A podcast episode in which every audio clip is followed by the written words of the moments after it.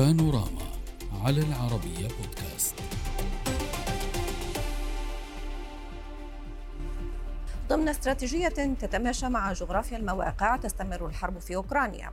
الدبابات والمنظومة الدفاعية على الأرض والطائرات بدون طيار في كل من المجال الجوي الروسي والأوكراني حيث أصبحت هذه المسيرات المتفجرة سلاحا أساسيا في النزاع الدائر. فكل من الجانب الروسي والأوكراني كذلك يحاول في الفترة الأخيرة تكثيف الهجمات المضادة بالطائرات المسيرة حتى وصلت إلى عواصم البلدين أي موسكو وكييف. خطوة يمكن أن تؤثر على مسار المواجهات العسكرية وعلى تغير في أمد الحرب واستنزاف الطرفين ماديا ومعنويا وفق مراقبين. هذا التطور الاستراتيجي تزايد خلال مايو بعدما أسقطت روسيا طائرتين مسيرتين كانت تستهدفان الكرملين واتهمت موسكو وقتها كييف بالوقوف وراء هذا الهجوم بينما نفت أوكرانيا أن تكون لها علاقة به. في بداية الحرب استطاعت روسيا استخدام المسيرات بشكل جيد في قصف البنى التحتية الأوكرانية وكذلك محطات توليد الكهرباء ولكن الدعم الغربي جعل كييف تتغلب على ذلك حيث تمكنت أوكرانيا من استخدام المسيرات بشكل عملياتي أفضل من خلال قصف مواقع تؤثر على لوجستيات الجيش الروسي. وخلال هذا الصراع تمتلك روسيا وأوكرانيا أنواعا مختلفة من المسيرات ولذلك سيكون الرهان كما يقول مراقبون على من له قدرات دفاعية أكبر وأنظمة رادار أحدث لوقف مواجهة ال drones نناقش هذا الملف مع ضيوفنا من موسكو سيرجي شاشكوف المحلل العسكري. أهلا بك. ومن كييف السفير فلوديمير شوماكوف الدبلوماسي السابق. أهلا بكم ضيوفي الكرام. واسمحوا لي أن أبدأ من موسكو معك سيد شاشكوف. سيد شاشكوف آه في لغة ميزان القوة العسكرية من حيث امتلاك المسيرات وخاصة القدرة على استغلالها والانتفاع فيها من المتفوق؟ موسكو أو كييف؟ مساء الخير جميعا. أهلا بك. يجب الاعتراف بأن هناك نوع من التوازن أو التساوي من حيث عدد المسيرات وكيفيتها وفعالياتها. أنتم ذكرتم في البداية عن المسيرات التركية نوع بايركتار وبعد ما دخلت هي الخدمة في صفوف سلاح الجو الأوكراني. كان كان هناك نوع من الضجيج وتصريحات رائعة وفرح وسرور. بينما الآن أصبح من الواضح أن خسرت أوكرانيا 90% من تلك المسيرات التركية ولم تبق لديها إلا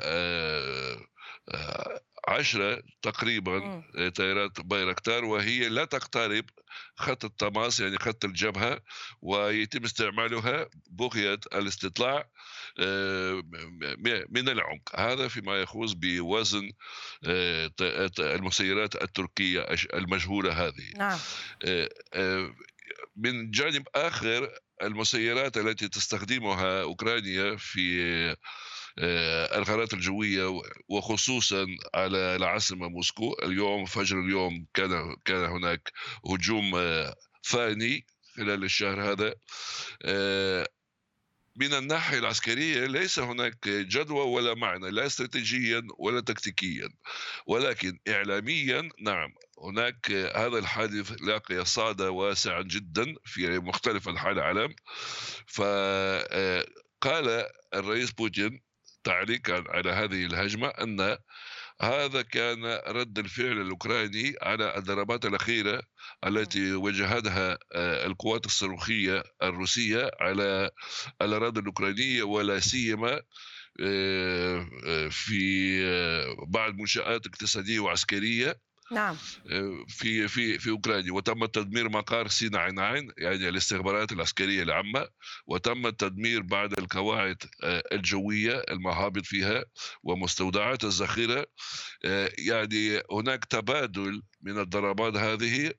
أي خطوة من طرف آخر يليها خطوة في المقابل كذلك من طرف روسيا. سنعود إلى هذا الاستهداف ولكن حضرتك اعتبرت وهنا السؤال حضرتك سيد شوماكوف ضيفي يقول بأن القدرات العسكرية الروسية أقوى بكثير مما تمتلكه أوكرانيا. وضرب مثال في ذلك قال بأنه برقدار مثلا هذه المسيرات التركية المشهورة استنزفت هذه الحرب تقريبا 90% من عددها الإجمالي. هل يمكن أن يكون هذا المعطى دقيق؟ السلام عليكم ورحمة الله وبركاته. تحية طيبة من أوكرانيا. بصراحة من بداية الحرب نحن نسمع من المحللين الروس وكمان من السياسيين الروس بأن روسيا دمرت أغلبية ساحقة من الترسانة الأوكرانية ولكن في نهاية المطاف أوكرانيا حرر تقريبا 60% من أراضي الأوكرانية والآن نحن نشاهد بأن أوكرانيا كمان تحقق بصفة عامة هجومات بنجاح وتستهدف في العمق المناطق المحتلة المراكز قيادية روسيا وأيضا مستودعات مع الذخائر. حول المسيرات خاصة بايركتار بصراحة عندنا معلومات شحيحة هل روسيا دمرت 90% أو 5% من ترسانة البايركتار؟ ولكن مهم جدا هذا هجوم على بالمسيرات على موسكوا أولا هذا غير معروف من حقق هذا أو قوات مسلحة أوكرانية أو فيلق متطوعين روس. وثانيا كمان غير معروف من أين تم الإطلاق هذه على فكرة حتى هذا الموضوع سيد شماكوف تلام عليه أوكرانيا. يقول الروس بانه أوكرانيا لا تتحمل مسؤوليتها الكاملة بخصوص هذه الاستهدافات. لا تتبنى ولا تتحمل مسؤولياتها ولكن فيما بعد هناك تعليقات من مسؤولين أوكرانيين تعليقات غامضة أو ساخرة. نفهم منها بأن من يقف وراء هذا الاستهداف هي أوكرانيا. هل تتخفى أوكرانيا خوفا من مواجهة روسيا فيما يخص موضوع المسيرات؟ بصراحة نحن قد تعودنا لاتهامات وكمان لتهديدات روسية بالمناسبة من بداية الحرب روسيا أطلقت على أوكرانيا أكثر من 1050 مسيرة. وأمس بالمناسبة للأسف الشديد في ظهر روسيا أطلقت على مدينة كييف 11 صاروخا من طراز إسكندر. يعني على سكان مدينة كييف روسيا تستخدم الإسكندر. أكيد هذا إبادة جماعيه ضد الشعب الأوكراني. نحن لا نخاف الآن أي شيء بصراحة. ولكن حضرتك تعلم سيد شماكوف حضرتك تعلم بانه كل هذه الاستهدافات لا توازي استهداف الكرملين بمعنى إذا تبنت أوكرانيا عملية عملية استهداف الكرملين قد يكون رد روسي أقوى من المنتظر. بصراحة كل يوم نحن هنا نشاهد رد روسي بمسيرات وكمان بصواريخ. بالمناسبة اليوم بعض السياسيين كبار روس هددوا باستخدام أسلحة نووية على أوكرانيا على أوكرانيا التي نازعت أسلحة نووية من أجل السلام. وروسيا ضمنت حماية حدود أوكرانية حماية استقلال أوكرانيا وفقا للمذاكرة بودابشت روسيا بالت إرهابية نعم. وإفعالها إرهابية حول هذا الهجومات المسيرات هنا نقطة جوهرية بأن بصفة بصفة عامة أكيد هذا الهدف استنزاف معنوي روسيا وكل هذه الهجومات هذا الضرر على سمعة بوتين. بالمناسبة اليوم سيد بريغوجين رئيس مجموعة واغنر هو استخدم هذه الفرصة قائلا وحتى هو اتهم جيش روسي والسلطة الروسية بأنها بأنها عاجزة لحماية الجو فوق موسكوا وحماية سكان موسكوا. حضرتك تعتبر بأنه هذا هذه الاستهدافات تمس من سمعة بوتين هكذا تقول. ما رأيك في هذا الكلام سيد شاشكوف؟ حضرتك منذ قليل وكأنك بسطت قليلا في استهداف الكرملين مثلا اعتبرت بأنه هذا استهداف أو يمكن أن تكون له تبعات إعلامية ليس أكثر. ولكن البعض يرى بأن أوكرانيا لما تستهدف الكرملين فهي استهدفت سيادة. الروسية. ولكن روسيا لما استهدفت استهدفت البنى التحتية استهدفت مناطق تحوي على موارد كهربائية ليس أكثر. الصورة على العكس تماما. لو نظرنا إلى فيديوهات والتقارير المصورة من العاصمة موسكو فهناك إصابات لثلاث عمارات متعددة الطوابق يعني مجمعات سكنية وتوجيه ضربة على كريملين يعني هذا رمز السلطة الروسية يعني كريملين ما هي ليست هي قاعدة عسكرية أو أو هدف عسكري. هذا مقر القيادة السياسية. صحيح ولكن سبق لأوكرانيا أن استهدفت مثلا مصفاة نفط لمرتين لمناسبتين. مصفاة نفط أليكسي استهدفت كذلك آه، تحدثت عن قاعدة عسكرية استهدفت قاعدة عسكرية جوية في جزيرة القرم. آه، هذه استهدافات مهمة. آه، ما حدث مساء اليوم قبل ساعتين تقريبا القصف الشديد من قبل الجيش الأوكراني لمجمع سكني في محافظة بلغراد هناك قتلى وجرحى بين المدنيين الأطفال والصغار والكبار.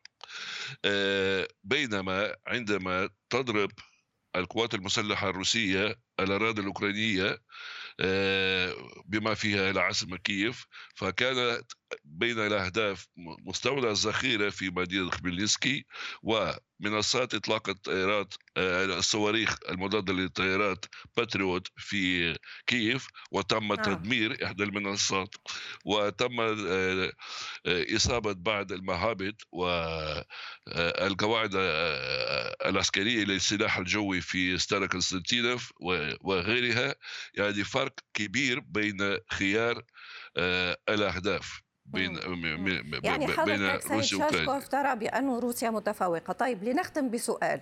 يقال بأن استخدام هذه المسيرات هو تكتيك لإطالة أمد الحرب. من المستفيد من إطالة أمد الحرب لاستنزاف القوى النفسية والمادية لخصمه؟ سأبدأ معك سيد شوماكوف. نعم بصراحة نحن نشاهد بأن أوكرانيا كمان دخلت في حرب حرب المسيرات.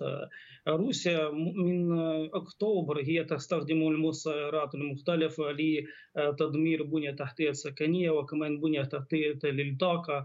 الآن أوكرانيا كمان ممكن أوكرانيا ما زال غير معروفة تستخدم بنجاح المسيرات وخاصة على هجومات في عمق مناطق المحتلة. وأين أوكرانيا تستهدف بنية تحتية العسكرية. وهنا نقطة جوهرية أوكرانيا بصفة عامة نعم. تستخدم نقطة بنية تحتية العسكرية. بالمناسبة روسيا كل يوم تقصف المحافظة خرسون والضواحي لهذه المدينة. كل يوم عندنا هناك حصيلة الضحايا من ثلاثة إلى خمسة أشخاص. وروسيا تستهدف هناك مناطق حضرية طيب وضحت هذه النقطة ولكن باختصار شديد من نعم. المستفيد من إطالة أمد الحرب روسيا أو أوكرانيا؟ في كلمة. بصراحة أي إضرار لروسيا على أزم على المصالح الاوكرانيه من من المعروف بأن أوكرانيا تستخدم بالمسيرات المطارات العسكرية الروسية نعم. وكمان المعض... كمان الخزانات مع الوقود وألخ وألخ. يعني الآن أوكرانيا دخلت في فترة جديدة باستخدام المسيرات بنجاح في في عمق روسيا. طيب سيد شاشكوف. لا روسيا ولا أوكرانيا تستفيد من هذه الحرب والمستفيد الوحيد هو الغرب. وكانت هناك آه، تصريحات رسمية وعلى مستوى رفيع جدا أن الغرب سيزاود أوكرانيا بكل ما آه، تحتاج من آه، الأسلحة والذخيرة والمعدات العسكرية والأموال وإلى آخره في سبيل استنزاف روسيا وتدمير روسيا عسكريا في ميدان المعركة نعم. كان هناك قرار حلف شمال الأطلسي قائلا أنه لا حل للنزاع هذا إلا عسكريا ولا نسمح بهزيمة مم. أوكرانيا نعم. بحل من الأحوال. طيب. ولكن في كل الحالات طاولة المفاوضات ستأتي في مرحلة من المراحل.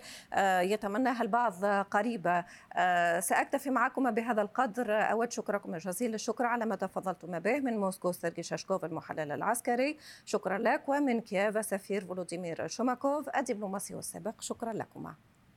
السلام عليكم.